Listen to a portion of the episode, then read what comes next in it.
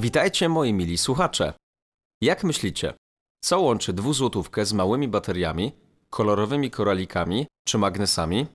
Jak się pewnie już domyślacie po tytule odcinka, wszystkie te rzeczy są chętnie połykane przez nasze pociechy. Dzisiaj opowiemy sobie o przedmiotach, jakie dzieciaki mogą zjeść i co w takiej sytuacji zrobić. Przeanalizujemy także, które często spotykane artykuły nie muszą wzbudzać niepokoju w razie spożycia przez waszych wybrednych smakoszy. Poproszę Was też o zapisanie jednego ważnego numeru, który każdy powinien mieć w swoim telefonie i wyjaśnię dlaczego. Zapinajcie pasy i jedziemy z tematem pod tytułem Ciało obce w przewodzie pokarmowym dziecka.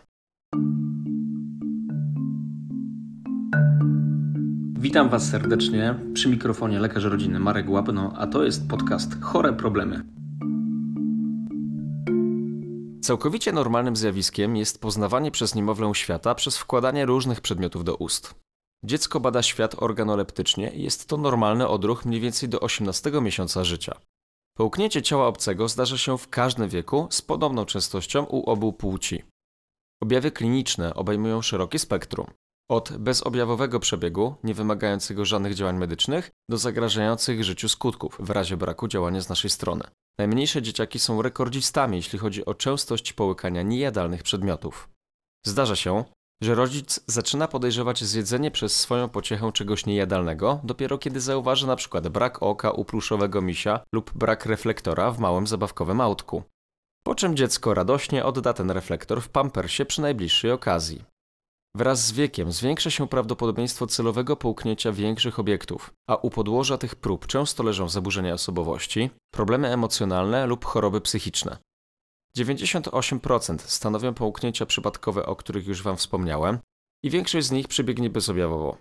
Ocenia się, że 10% ciał obcych z przewodu pokarmowego jest usuwanych endoskopowo, a tylko maksymalnie 1% wymaga zabiegów chirurgicznych z powodu powikłań. Decyzje dotyczące postępowania po połknięciu ciała obcego zależą od wielu czynników, spośród których najważniejszym jest odpowiedź na pytanie: co i kiedy zjadło dziecko? Opowiedzmy sobie o statystycznie najczęstszych typach połykanych ciał obcych. Zacznijmy więc od chemikaliów. Granulaty do rur, wybielacze, rozpuszczalniki, detergenty nigdy nie mogą stać w dostępnym dla dziecka miejscu. Nie umieszczajcie też tego typu substancji w kolorowych butelkach po napojach. Maluchy lubią kolorowe przedmioty i chętnie sprawdzą, co za pyszności są w środku. Zapamiętajcie jedno. Jeśli już zauważyliście, że dziecko wypiło jakąś łazienkową toksynę, to w sprawnym tempie pakujcie się do szpitala. I zasadniczo w tej chwili nie ma znaczenia kwestia, ile tego było, choć takie pytanie na pewno padnie w szpitalu. Absolutnie nie wywołujcie wymiotów, bo tego typu chemikalia są żrące i w trakcie wymiotów przechodzą przez przełek po raz drugi, ponownie go parząc. Mogą nawet wywołać perforację, czyli przedziurawienie przełyku.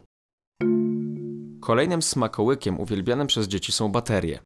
Dotyczy to akumulatorków typu AA lub AAA, ale też płaskich, okrągłych baterii w kształcie pastylki, wykorzystywanych w zegarkach, kalkulatorach, termometrach i zabawkach elektronicznych. Największym zagrożeniem po połknięciu jest ładunek elektryczny, który powstaje z różnicy potencjałów. Generuje on podwyższoną temperaturę, przez co może doprowadzić do uszkodzenia otaczających go tkanek, czyli błony śluzowej przewodu pokarmowego, a także okolicznych naczyń krwionośnych. Może to po dłuższym czasie doprowadzić do przedziurawienia błony śluzowej oraz krwotoku spowodowanego uszkodzeniem naczyń krwionośnych, zwłaszcza w przypadku lokalizacji baterii w przełyku, a ryzyko jest tym większe, im większa jest bateria. Szczególnie uważamy na te, które mają więcej niż 2 cm. Baterie z przełyku muszą być usunięte w trybie pilnym. Jeśli dziecko połknęło baterię, sytuacja jest bardzo poważna i należy działać natychmiast. Jak najszybciej udajcie się wtedy do szpitala i najlepiej by taki szpital posiadał oddział gastroenterologii dziecięcej lub oddział chirurgii dziecięcej. Bateria powinna być usunięta w ciągu 6 godzin. Następne na naszym jadłospisie są magnesy. Magnesy, które upoluje wasz skarb, są zagrożeniem przede wszystkim wtedy, gdy dziecko połknie ich więcej niż jeden, bowiem tylko wtedy istnieje ryzyko uciśnięcia ściany przewodu pokarmowego przez przyciągające się magnesy i ewentualnie jej przydziurawienia. Lekarstwa, szczególnie rozpowszechnione w większości polskich domów leki kardiologiczne czy przeciwcukrzycowe, są oczywiście mega niebezpieczne, gdy użyją ich dzieci, ale też gdy użyją ich dorośli w niewłaściwych dawkach. Mówiąc o jawnie toksycznych substancjach, musimy również przywołać cały szereg dość rozpowszechnionych w Polsce roślin, jak wawrzynek wilczołyko, wilcza jagoda, wiciokrzew czy trzmielina. Teraz wyciągnijcie proszę telefony i poszukajcie w internecie numeru do najbliższego dla waszego miejsca pobytu ośrodka toksykologii. Przykładowo w Krakowie pod numerem alarmowym 12 646 85 50 pracownicy oddziału toksykologii ze szpitala imienia Rydygiera pracują w trybie 24 na 7 i wierzcie mi, że możecie do nich zadzwonić z każdym pytaniem dotyczącym kwestii potencjalnego zatrucia.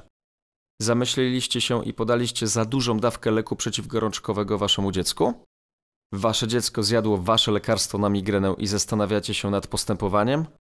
A może wiecie, że wasze dziecko zjadło liście nieznanej rośliny i zrobiliście jej przynajmniej zdjęcie, ale nie wiecie co zrobić dalej?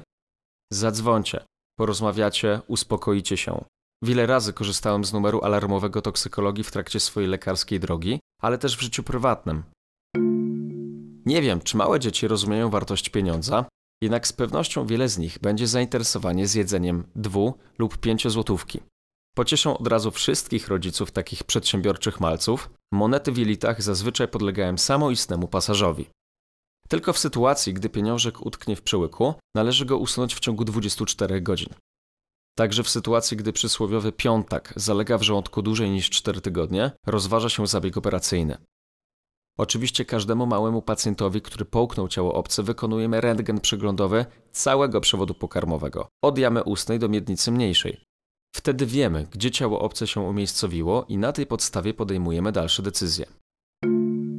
Igły, otwarte agrafki, wykałaczki, kawałki szkła są rzecz jasna groźne i nie będzie dla Was zaskoczeniem, że mogą przedziurawić przewód pokarmowy ale bardzo często naturalna perystaltyka przewodu pokarmowego oraz spożyty wcześniej pokarm utrudnia punktowy nacisk, jaki musi wywrzeć taki przedmiot na ścianę jelita, żeby ją uszkodzić. Tak więc jeśli zobaczycie, że ktoś połknął nawet bardzo ostry przedmiot, to nie panikujcie od razu i po prostu spokojnie udajcie się do szpitala. W 2017 roku w polskich mediach było głośno o pewnym więźniu, który chciał popełnić samobójstwo połykając 8 żyletek. Pacjent trafił przez to na SOR, Musiał się nieźle zdziwić, bo lekarze stwierdzili, że operacja wiąże się z ryzykiem dodatkowych uszkodzeń przewodu pokarmowego, a skoro pacjent jest w ogólnie bardzo dobrym stanie, to trzeba czekać, aż wydali żyletki sam. Jak sami widzicie, specjaliści nie operują natychmiast każdego, kto połknął nawet coś bardzo ostrego. No dobrze, porozmawiajmy teraz o dziwnych rzeczach, które mogą zjeść wasze dzieci i nie mieć z tego powodu dramatycznych konsekwencji. Rtęć metaliczna, czyli ta z termometrów, przy spożyciu jest mało toksyczna. Niestety nie można tego powiedzieć o innych związkach rtęci, jakie spożywamy przykład w rybach. Kredki, jedne z najczęstszych ciał obcych zjadanych przez nasze dzieci, również są mało szkodliwe. Także w sytuacji, gdy dziecko zje jednego papierosa, nie musimy od razu wszczynać alarmu. Przy większej ilości ze względu na nikotynę mogą być obecne objawy ze strony przewodu pokarmowego czy serca. Nie spodziewaliście się, że możecie zjeść papierosa i raczej nic wam się nie stanie, co? Ale zdecydowanie zachęcam zarówno do niejedzenia, jak i niepalenia papierosów. Do nietoksycznych substancji w razie podania do ustnego zaliczymy również barwniki spożywcze, zapałki, styropian czy atrament. Na koniec podsumujmy kluczowe zalecenia. Magnesy do zabawy są dla dzieci powyżej trzeciego roku życia, ale tylko pod opieką dorosłych. Prawidłowe zabezpieczenie baterii w zabawkach jest kluczowe. Kupujcie tylko takie, w których przedział na baterię jest zamknięty przez dodatkowe śrubki. Nowe i używane baterie powinny być przechowywane poza zasięgiem dziecka, najlepiej jak najwyżej. Zwracajcie szczególną uwagę na pozostawione podczas czynności codziennych drobne i ostre elementy, jak śrubki, spinacze, biżuteria, gwoździe itd. Środki chemiczne przechowujcie w zamykanych szafkach, do których dziecko nie ma dostępu, Dodatkowym mechanizmem zabezpieczajcie szafki pod zlewami. Lekarstwa, suplementy, witaminy, nawet te dziecięce pudełeczka z narysowanymi na nich misiami, pszczółkami i innymi prosiaczkami schowajcie tak, żeby dzieciaki ich nawet nie zobaczyły. I to by było na tyle. Dzięki za wysłuchanie dzisiejszego odcinka. Parafrazując księdza Twardowskiego, śpieszmy się zabezpieczać różne małe przedmioty, tak szybko dzieciaki je zjadają. Do usłyszenia w kolejnych chorych problemach.